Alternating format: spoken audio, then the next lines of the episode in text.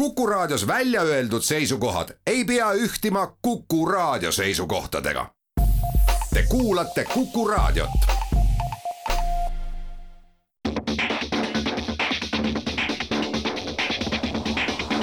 autotund. see on saade sulle, kui sul pole päris ükskõik, millise autoga sa sõidad. autotunni toob teieni Enefit Volt, nutikas ja tulevikukindel elektriauto laadimine kodus, tööl ja teel tere kuulajad, Autotund eetris stuudios Tarmo Tähepõld, Martin Mets Geenius uudisteportaalist ja pärast liitub meiega Gert Pääbo Enefit Woltist ja räägime, kuidas peaksid oma elektriautosid laadima kortermajades elavad inimesed. aga ennem seda mõned uudised ja nädala sündmused.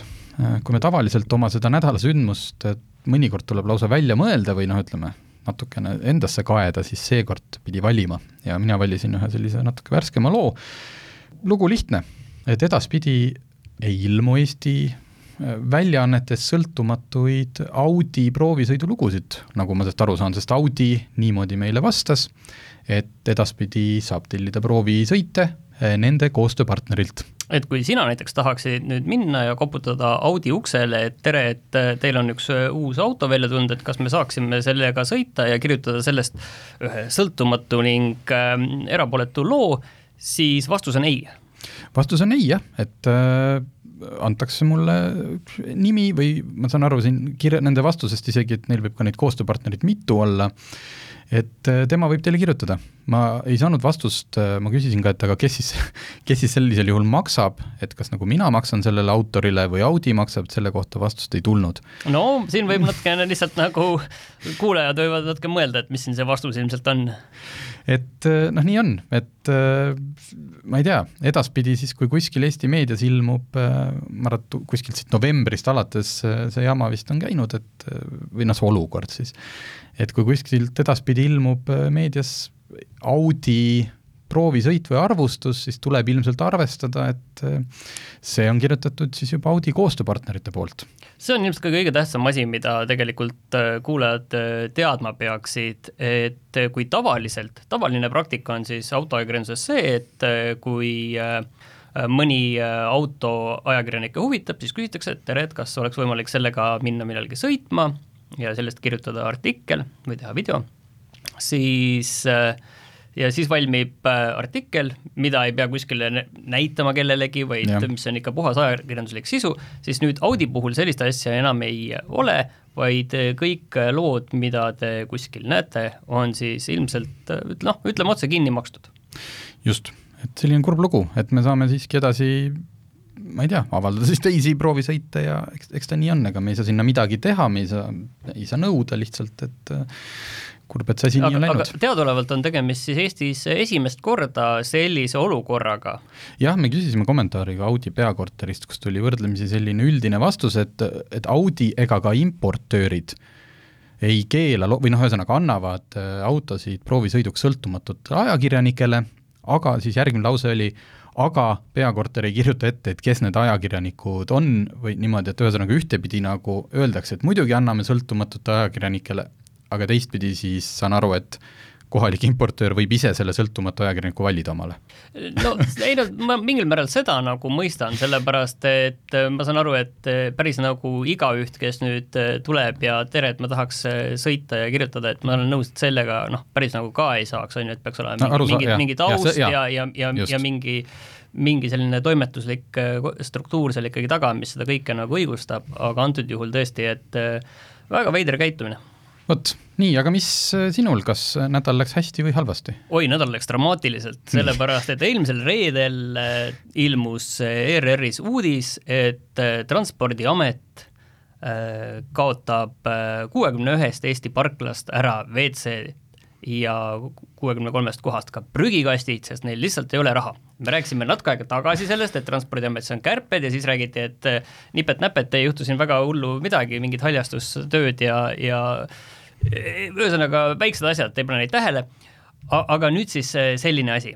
Ja see on ühesõnaga, mina igal juhul olen nõus enda mütsi ära sööma, et ei need WC-d ega ka äh, prügikastid teede äärest ära ei kao, et tegemist, kui hoolikalt seda uudist ka lugeda, siis seal äh, Transpordiameti äh, esindaja ütleb, et jah, et meil sisuliselt on otsus tehtud, aga allkirja seal veel pole, sest rahastus on lahtine ja see on äh, tavaline praktika, kuidas siis üritatakse eelarve läbirääkimistel raha juurde endale kaubelda, sest keegi ju ei taha, et sellised nähtavad asjad nagu WC-d ja prügikastid ära kaoksid, kuigi nende ülalpidamisele kulub tervelt kuussada tuhat eurot aastas, mis on peenraha võrreldes kõige selle muuga, mida Maantee transpordiamet teeb.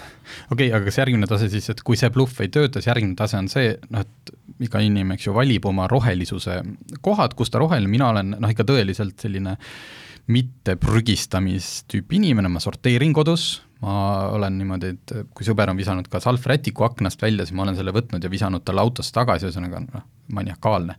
kas ma nüüd hakkan nägema siis kui ühesõnaga, kui ähm, riik ei anna raha juurde, et siis on nüüd meil teeääred, just siis need parklad, kus varem olid prügikastid, et nüüd inimesed hakkavad sinna prügi maha viskama ja siis äh, transpordiamet tuleb saab... ja hakkab koristama, sest äh, see on ju nende kohustus, keegi teine ei pea seda ju koristama nende maa pealt, eks ju. sellele kulub ka teatav raha, et ühesõnaga, tegemist on nagu sellise väga veidra äh, väljapressimisskeemiga, ma ikkagi julgeksin öelda ja mis eriti arvestades kogu see, et kui muidu valitsus räägib rohe, rohepöördest, siis muidugi jah, et kindlasti, mõtle, mis on hästi oluline, see, et tegemist on väga väljapaistva asjaga, et kindlasti Transpordiametis on väga palju erinevaid asju, mis tegelikult üldse ei paista välja nii palju ja kuhu kulub palju rohkem kampaaniad. raha.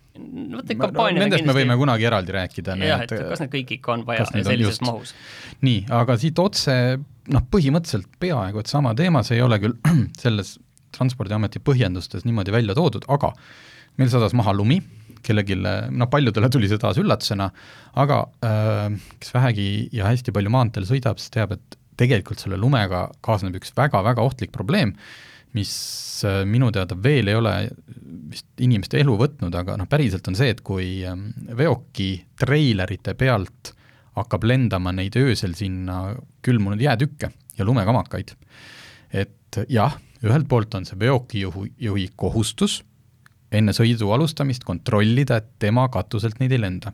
teistpidi, kujuta nüüd ette, et sul on see presendist rekka või ma ei tea, jah, ütleme presendist, mis on veel vist pealt, sa võid teha sellise, et on kaldega, et kuidas sa sinna ronid, kuidas sa seal peal niimoodi püsti püsid, et ka Tööinspektsioon lubaks sul tegelikult seal üleval selle lumelabidega no, askeldada. oleks mingid tellingud või asjad, mille peale ja. saaks ronida ja kus saaks siis puhastada. just äh,, uurisin seda probleemi aastal, vaatasin, otsisin üles aastal kaks tuhat üheksateist, üheksandal novembril on Maanteeamet vastanud, et äh, jah, Eestis on täpselt üks avalik lumetelling, selles mõttes ma ei tea, et loodetavasti on suurte logistikafirmade parklates ka need, aga need on suletud alad, noh need Eestis on üks lumetelling äh, Paide kandis, kuhu iga rekkajuht siis ilmselt on seal see puhkeala, seal on parkla, et sätib sinna, öösel magab, lumi saja, hommikul ronib tellingule ja sealt on tal turvaline lükata. ja on plaanis juurde teha. täpselt kaks aastat hiljem on Eestis üks avalik lumetelling, aga asi on nii palju arenenud, et on konkreetsed plaanid, ehk siis tähtajad või öeldud välja kuupäevad järgmiste.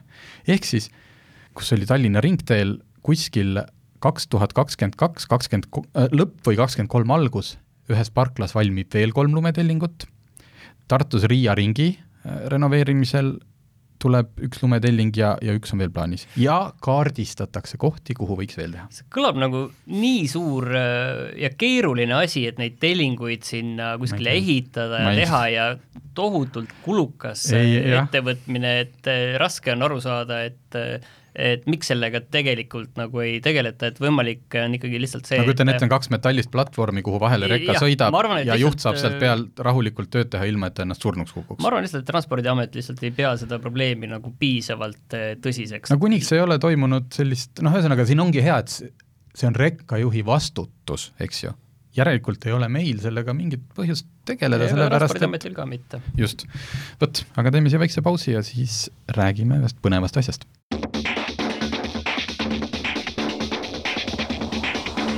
Autotund. see on saade sulle, kui sul pole päris ükskõik, millise autoga sa sõidad. autotund tagasi ja nüüd võtame kiirelt ette meie selle aasta parimad autod panime Autolehe ja Autogeeniuse toimetustega seljad kokku, panime nimekirja kolmkümmend kuus selle aasta uudismudelit, mõni nendest on tulnud eelmine aasta välja, aga meie sõitsime sellega sellel aastal, ja mõni ei ole veel Eestisse jõudnud, aga meil on olnud õnn juba sellega sõitmas käia. Istusime maha, tegime igaüks oma topi, võrdlesime seda topi, siis vaidlesime, kaklesime, siis leppisime ja sai kokku ehk siis tabel kolmekümne kuuest autost. mida see tabel nüüd siis nagu näitama peaks, et kas see number üks kohal auto on siis nagu kõige parem, mida inimesed võiksid minna Muidugi nagu kohe võiksid, ostma loomulikult, aga- kas see kõige viimane on siis selline auto ikkagi, mis ütleme niiviisi, et äh, mõistlik inimene seda poest nagu küll koju ei too, et äh, naine ka naerab? püsikuulajad säästes, kes on meie neid vaidlusi pidanud tihti kuulama, ütleme niimoodi, et esimene koht ületas mis iganes latt tal ees oli, selle kõrgelt ja viimane koht pani nagu konkreetselt äh, lati alt läbi. Et see ei tähenda tingimata, et on selline auto, milles sa saad surma ja milles iga sõidetud meetrit sa vihkad, vaid lihtsalt noh, oleks saanud palju paremini ma ei teagi nüüd, kummast poolt nagu alustada, et ma ei tea, kas see, ma isegi võib-olla alustaks nagu sellest viimasest kohast, et kes ja miks? no viimases kohas on siin hiljuti kajastatud Hiina päritolu elektriauto Ceres kolm ja, ja noh, ausõna käsi südamel, ta ei ole seal sellepärast, et noh, et ahah, hiinlane, kuulge, läheb viimaseks, keegi ei tea sellest midagi ja suva. et kedagi ei huvita ka.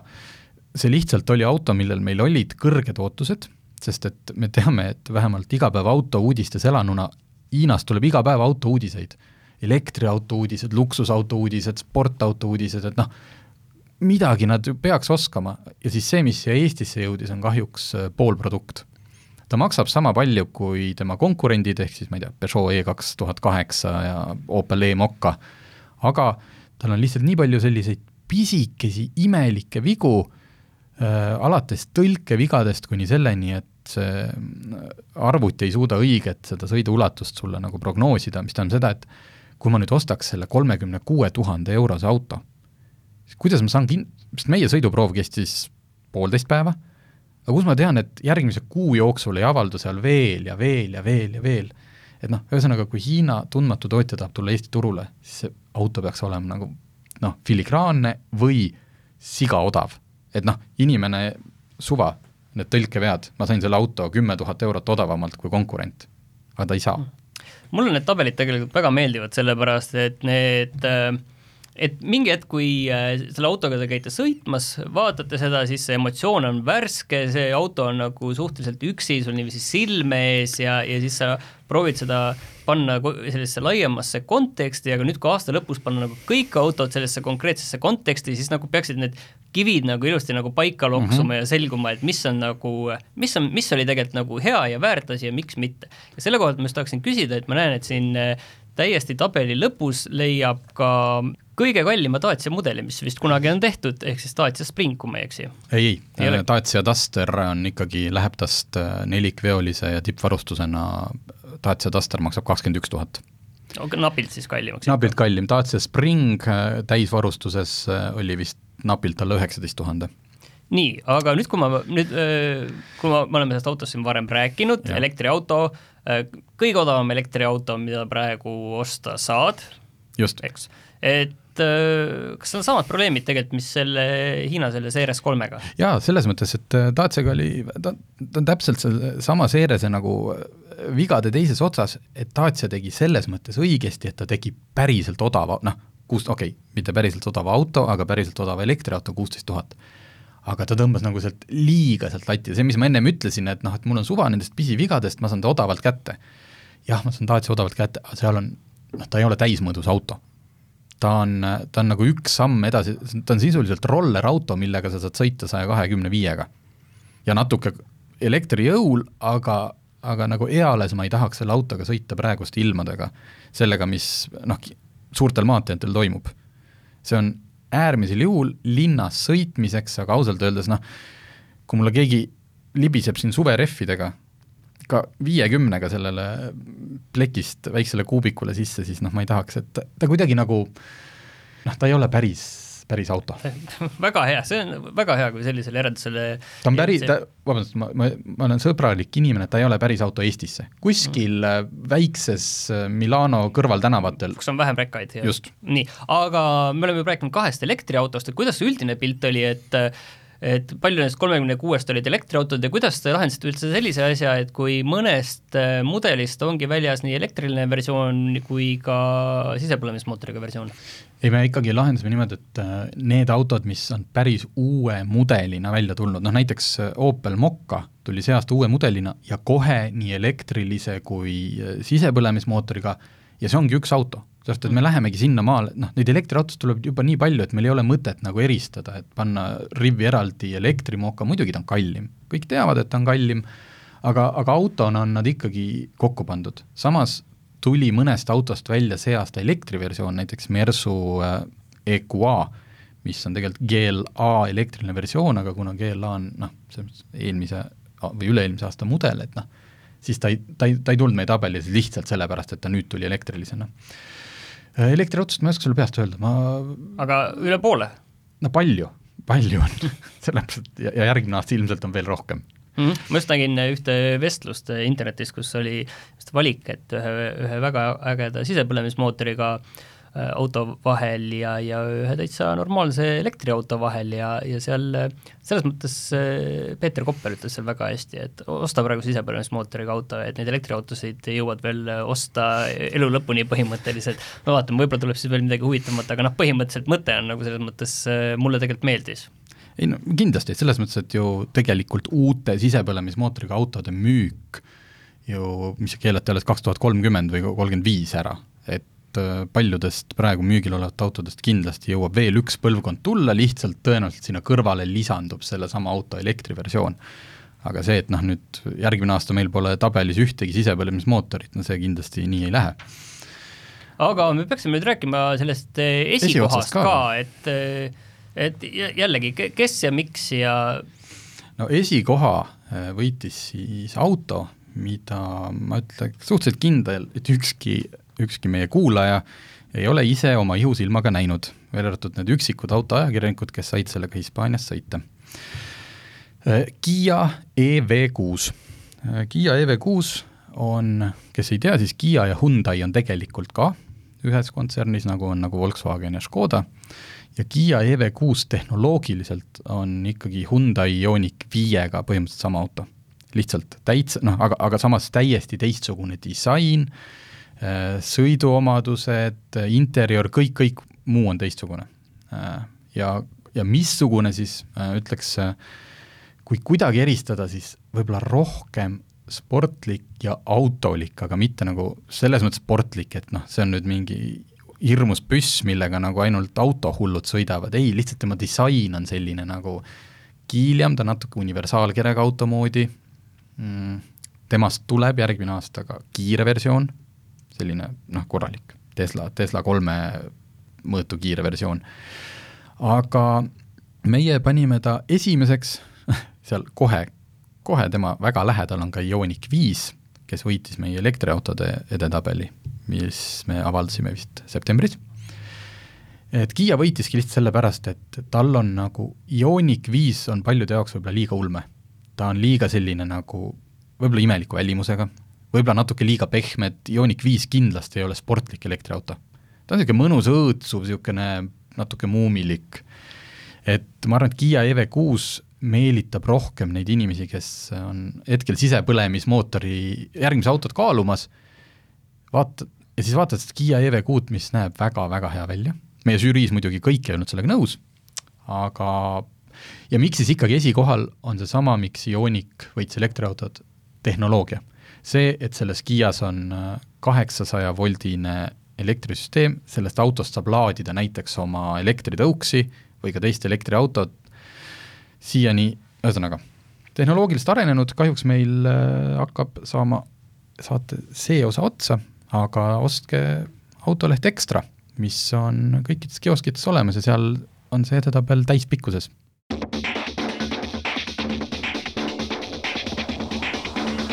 autotund. see on saade sulle, kui sul pole päris ükskõik, millise autoga sa sõidad.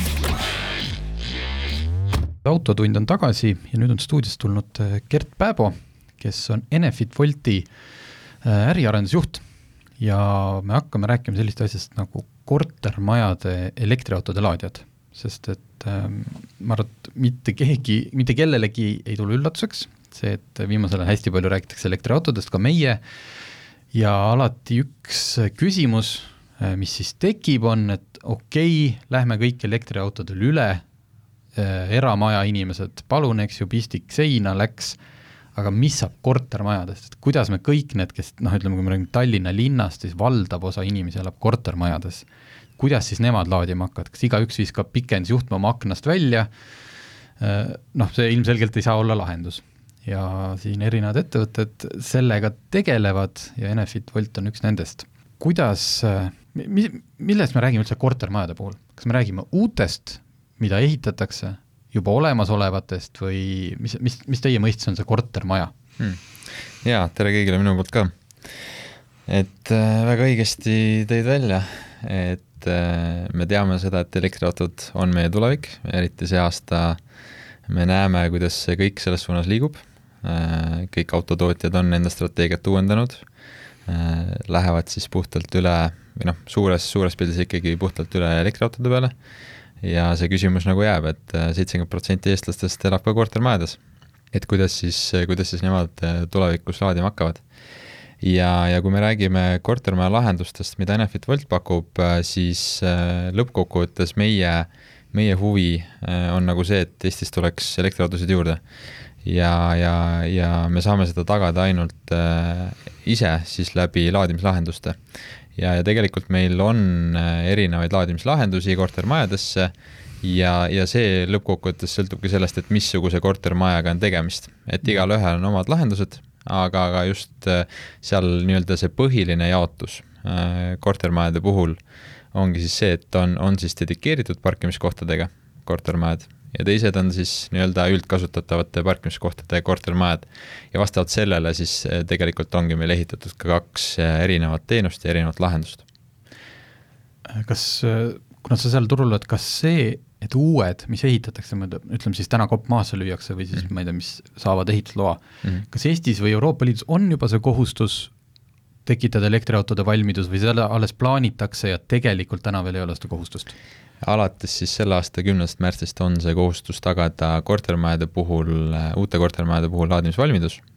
ja mida see laadimisvalmidus siis tähendab, äh, on, on see, et igale parkimiskohale peab olema veetud kaablikõri okay.. et, äh, et sellest juba tegelikult on märkimisväärselt äh, kasu just selle vaatega, et tulevikus see laadija paigaldus oleks oluliselt lihtsam, et me ei peaks mm -hmm. noh, väliparkide puhul iga, iga laadija soovija korral nagu tegema seal kaevetöid ja noh, seesama vaade tegelikult kehtib ka olemasolevate äh, kortermajade puhul, äh, et sellest äh, nii-öelda et ük, üks vaade on jah see, et on uued kortermajad ja sinna muidugi on seda laadimisvalmidust oluliselt lihtsam teha, kui seda tehaksegi juba kortermaja ehituse mm -hmm. käigus, saab need kõrid ära vedada.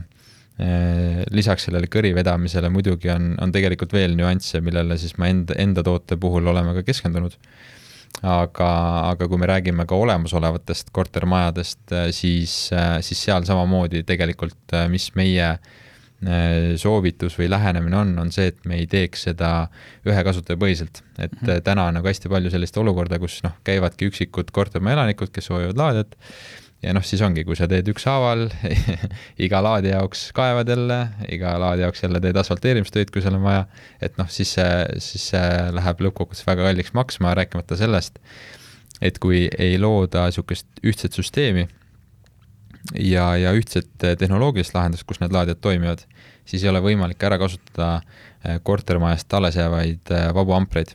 et see on tegelikult nagu eh, järgmine oluline kriitiline Äh, tükk siis kortermajade puhul on just, et mis saab sellest võimsusest. just, et see on äh, ilmselt üks noh, suuremaid kulusid selle noh, reaalse karbi kõrval, mis autosse läheb, tihti tuleb see autoga ostes ka need kodused wallbox'id ja asjad nii, nii-öelda kauba peale kaasa, aga nüüd ongi see, et on kortermaja, neil on X ühikut ampreid, kuidas see, kuidas see ära lahendada üldse, et kui jäme see kaabel lõpuks majja peab tulema, kui noh, ütleme, et täna on meil seal sellest parkimiskohtadest võib-olla kaks, kaks entusiastlikku inimest, ütleme siis kaks protsenti mm, -hmm. kahe aasta pärast on seal viisteist protsenti, ma ei tea, viie aasta pärast on juba kolmkümmend elektriautot, et mm. -hmm. kas siis noh, nagu sa ütlesid, iga kord ju ei tule kopaga, ei kaevasta, kõigepealt see majja tulev kaabel, kui jäme see siis olema peab?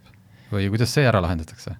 Vot, vot see on, see on asi jah, mida me selle laadimisvalmidus, kui me räägime nagu äh,, kui me räägime siis äh, olemasolevatest kortermajadest, noh, siis, siis äh, nii-öelda see majja sisse tulev kaabel, see on see, mida me nii-öelda valmiduse ehitamise käigus äh, ümber ehitama tõenäoliselt ei hakka, noh, see sõltub küll tõesti mm -hmm. kortermajast. Äh,, võib-olla teatud juhtudel on see nagu vajalik.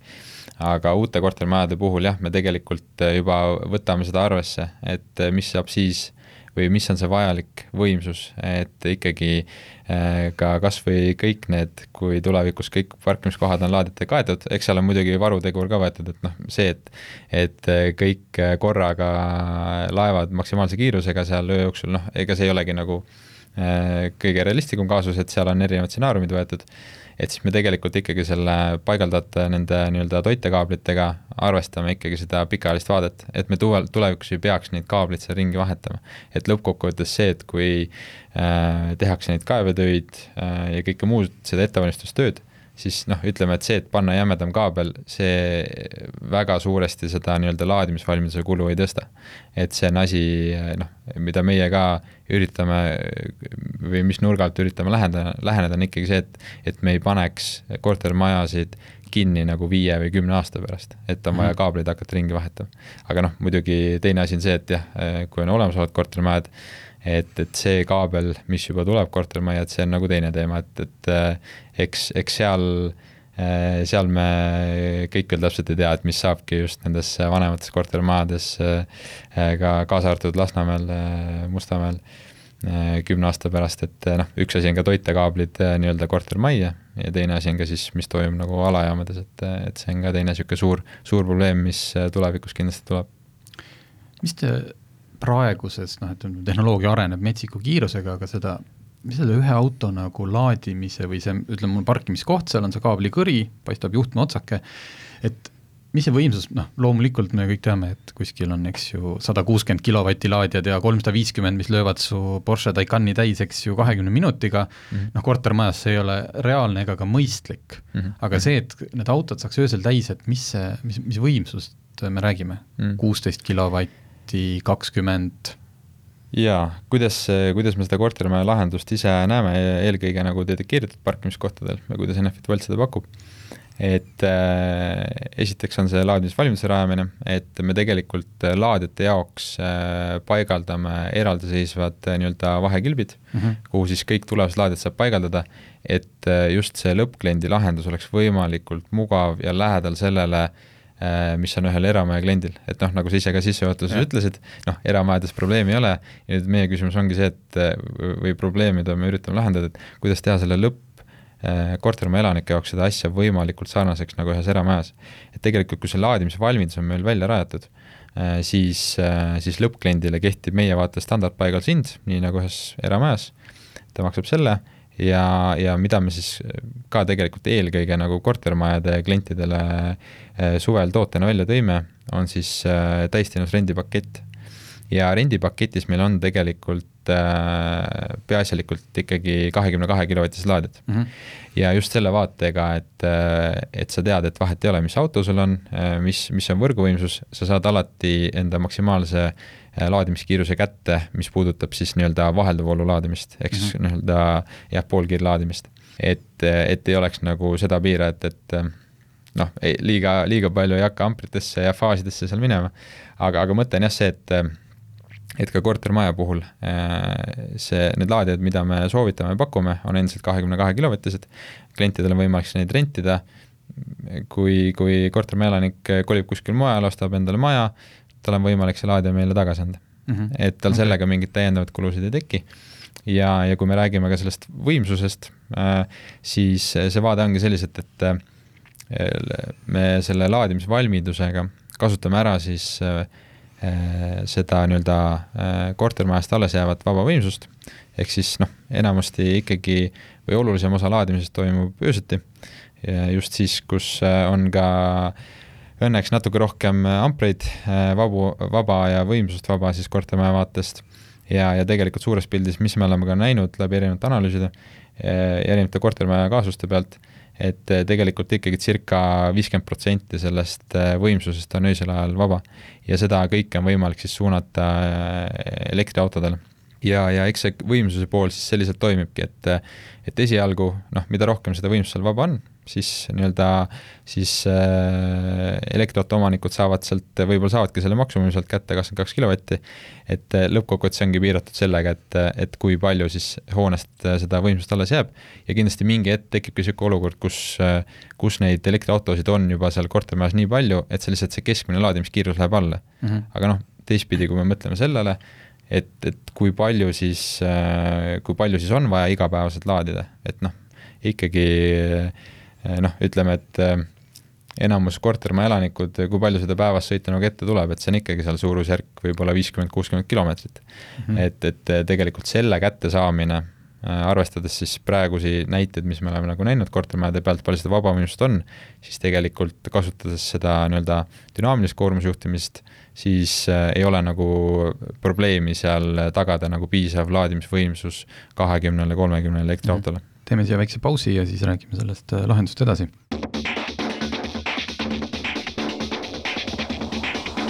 autotund. see on saade sulle, kui sul pole päris ükskõik, millise autoga sa sõidad autotund on tagasi stuudios Tarmo Tähepõld ja Gert Pääbo, kes on Enefit Wolti äriarendusjuht ja räägime sellest, et milline on suhteliselt lähitulevik kortermajades ja elektriautode laadimisel. Okei okay,, ütleme, teil on tehnoloogia välja mõeldud, kuna te noh, elektri osa, et inimene ei pea sellele väga palju mõtlema, kui jämedad kaablid, kuhu tal vaja on, tema tahab, et hakkab hommikul sõitma, tal oleks auto täis. nüüd on see küsimus, et nagu sa ennem ütlesid, et hetkel ilmselt pöördub teie poole, eks ju, üks inimene, sest ta on ostnud elektriauto, ühistu vaatab teda natukene niimoodi noh, jah, olgu, tee siis, siis tuleb teine, kolmas, aga mingi hetk on, muutub see nagu üksikinimese murest tegelikult, eks ju, maja, noh, maja asjaks mm.. ja kuidas nüüd see ära lahendada, tihti ei saada ju ühistus kokkuleppelegi isegi see, et noh, alumine korrus ei ole nõus katuseremondi eest maksma, sest et mm. me ju ei kasuta katust et äh, kuidas te ühistule, ühistule selgeks teete selle? Äh, vot see on täna üks, üks keerukas koht kindlasti kortermajade puhul ja korteriühistute puhul äh,, kahtlemata. aga, aga noh, ütleme, et siin on, siin ongi see olukord, kus, kui me jällegi mõtleme nagu enda missiooni peale, siis noh, meie huvi äh, on, on see, et äh, elektriautosid tuleks Eestis juurde ja, ja meie roll on siin tagada see, et oleks laadimisvalmidus olemas ja, ja et seda tehakse ka kortermajades targast, targasti. ja, ja sellest tulenevalt me oleme ka, ka ise valmis siis tegelikult äh, aitama nendel üksikutel huvilistel seda, seda nii-öelda lahendust kommunikeerida ja põhjendada ka teistele kortermaja äh, elanikele siis. et see on see noh, mida me omalt poolt ka nagu pakume, on see konsultatsioon ähm, siis korteriühistutele ja jah, ütleme, et see ei, ei ole täna lihtne, aga, aga on näha tegelikult eriti selle aasta jooksul äh,, kuidas see mentaliteet on nagu muutunud, et äh, väga paljud näevadki enda järgmise autona juba kas mm -hmm. noh, kas hübriidi, kas laetavat hübriidi või elektriautot. ja tegelikult nagu saavad aru sellest väärtusest, et et see laadimisvalmidus äh, on mõistlik teha ühe korraga ära, et see on lõppkokkuvõttes kõik äh,, kõigile elanikele nagu kasulik, ta on oluliselt odavam lahendus ja ta on oluliselt odavam lahendus ka selle vaatega, et äh, noh, kui me hakkame ükshaaval neid laadijaid paigaldama, äh, me ei tee, me ei juhi seda võimsust targalt, siis tegelikult meil on kahe-kolme elektriautoga noh, võimsus tegelikult otsas, on ju, et kui seal need kolm elektriauto omanikku tulevad eh, kell kuus töölt koju, eh, panevad laadima sellel hetkel, kus tegelikult see tarbimine niikuinii kortermajas on kõige kõrgem, noh, siis, siis tegelikult ju sellest piisab, et ongi võimsusest puudu.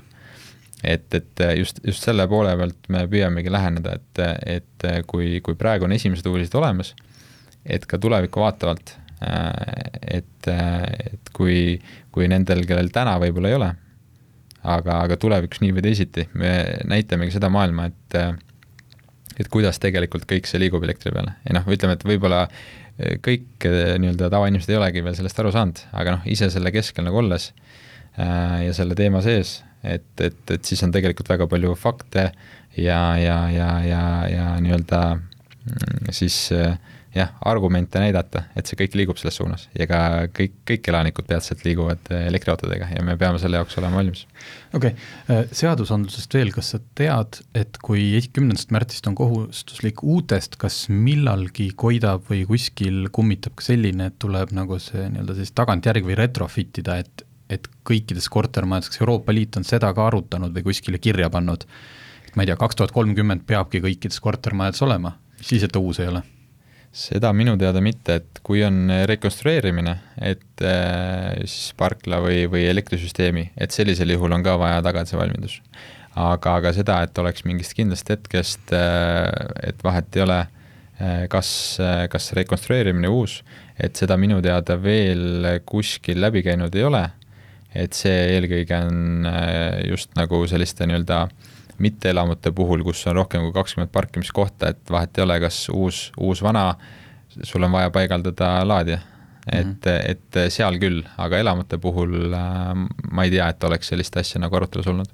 okei okay., aga ütleme, et äh, ma nüüd leidsin oma maja pealt äh, paar entusiasti veel, tean, et ma ei tea, mõned, mõned inimesed veel plaanivad osta, et kui noh, et kui kiire see protsess on, et kas, kas te olete nagu sellega alles niimoodi ar-, noh, nii-öelda alustamas või reaalselt ma saangi ikkagi tulla, öelda, et äh, aadress on seal, mul on elektriauto, kahe nädala pärast on veel kaks elektriautot äh,, hakkame nüüd meile siia laadijaid vedama.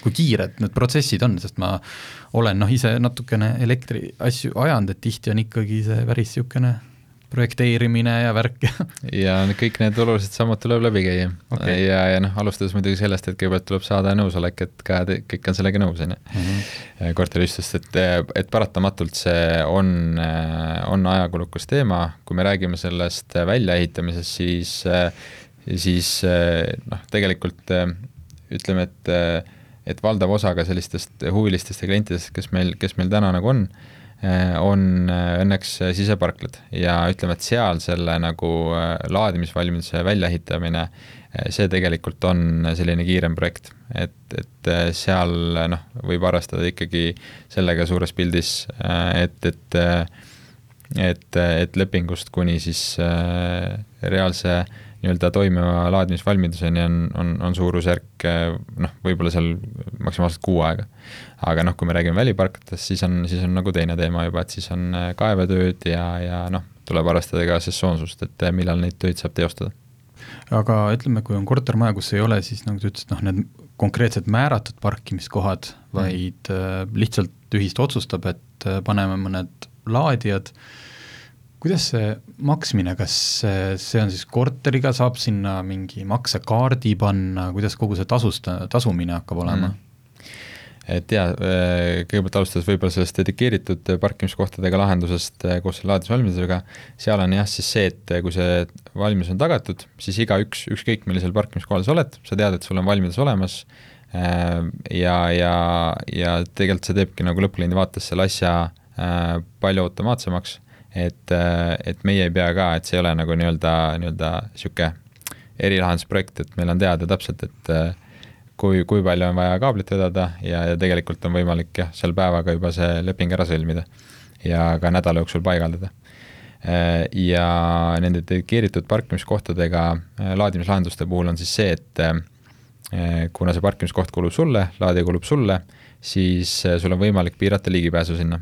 ja selle alusel tegelikult ka siis meie saame selle info kätte, et kes kui palju laadinud on, ja mm, -hmm. ja võimalik siis see info äh, ka raporteerida nii-öelda haldusteenuse pakkujale, kes, äh, kes on siis korteriühistul võetud ja selle alusel siis äh, klient näebki seda elektrikulu enda arve peal ja see ei ole nagu, ei ole ka seda muret, mida, mida ka ikkagi kipub, kipub nägema, et et äh, keegi laeb kuskilt äh, tavalisest äh, pistikupesast kortermajas kuskil garaažis ja, ja tegelikult see on kõik kortermaja üldelektri all ja kõik maksavad selle kinni, on ju. et noh, seda, seda see nii-öelda dedikeeritud parkimiskohtadega laadimislahendus aitab ka vältida.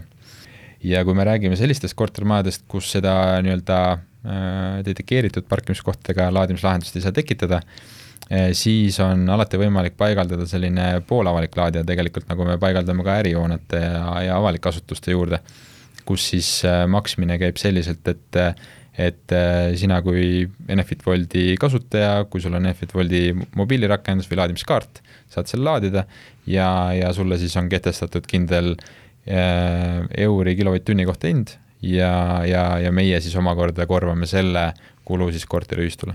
No selge äh,, nagu alati, meie aeg saab ennem otsa, kui, kui kõik räägitud saab, aga ma arvan, et põhiline vist sai praegult üle käidud. et see, see ühesõnaga vastus sellele küsimusele, et aga kus kõik need kortermajade inimesed, et jah, et kui ütleme, Lasnamäe üheksakordse ees, kui need autod õues seisavad, seal hetkel noh, noh, saab ka sinna vedada selle kaabli ja laadija. aga kui me räägime parklatega kortermajadest, kus on äh, konkreetsed kohad ja, ja natukenegi moodsam see värk mm., siis äh, on lahendus juba olemas mm., lihtsalt äh, elanikud peavad kokku leppima ja ära tegema. just, ja noh, mis puudutabki neid äh, üheksakorralisi Lasnamäe kortereid, et ega, ega lõppkokkuvõttes ainult ühe laadimislahendusega seda asja ära ei lahenda mm. -hmm. et, et sellepärast äh, läheb ka suur panus meil sinna, et et rajada ettevõtete juurde pakkudes ettevõtetele laadijaid, et nemad omakorda siis oma töötajatele mm -hmm. pakuks laadimise võimalust, et see on nagu üks oluline koht. ja samamoodi kõik äh, avalikud pinnad ka, et, et äh, noh, lõppkokkuvõttes meie eesmärk on see, et tekitada see olukord, mis on ka elektriauto eelis, et äh, seal, kus sa pargid, seal sa saad tankida mm, -hmm. et, et kui me selle äh, selle nagu äh, suudame tagada ka avalikes asukohtades, siis me ei pea ainult jääma toetuma sellele, et kõikidel on vaja kindlasti seal kortermajas laadida. Aga suur tänu, aitäh, et tulid! jaa, aitäh!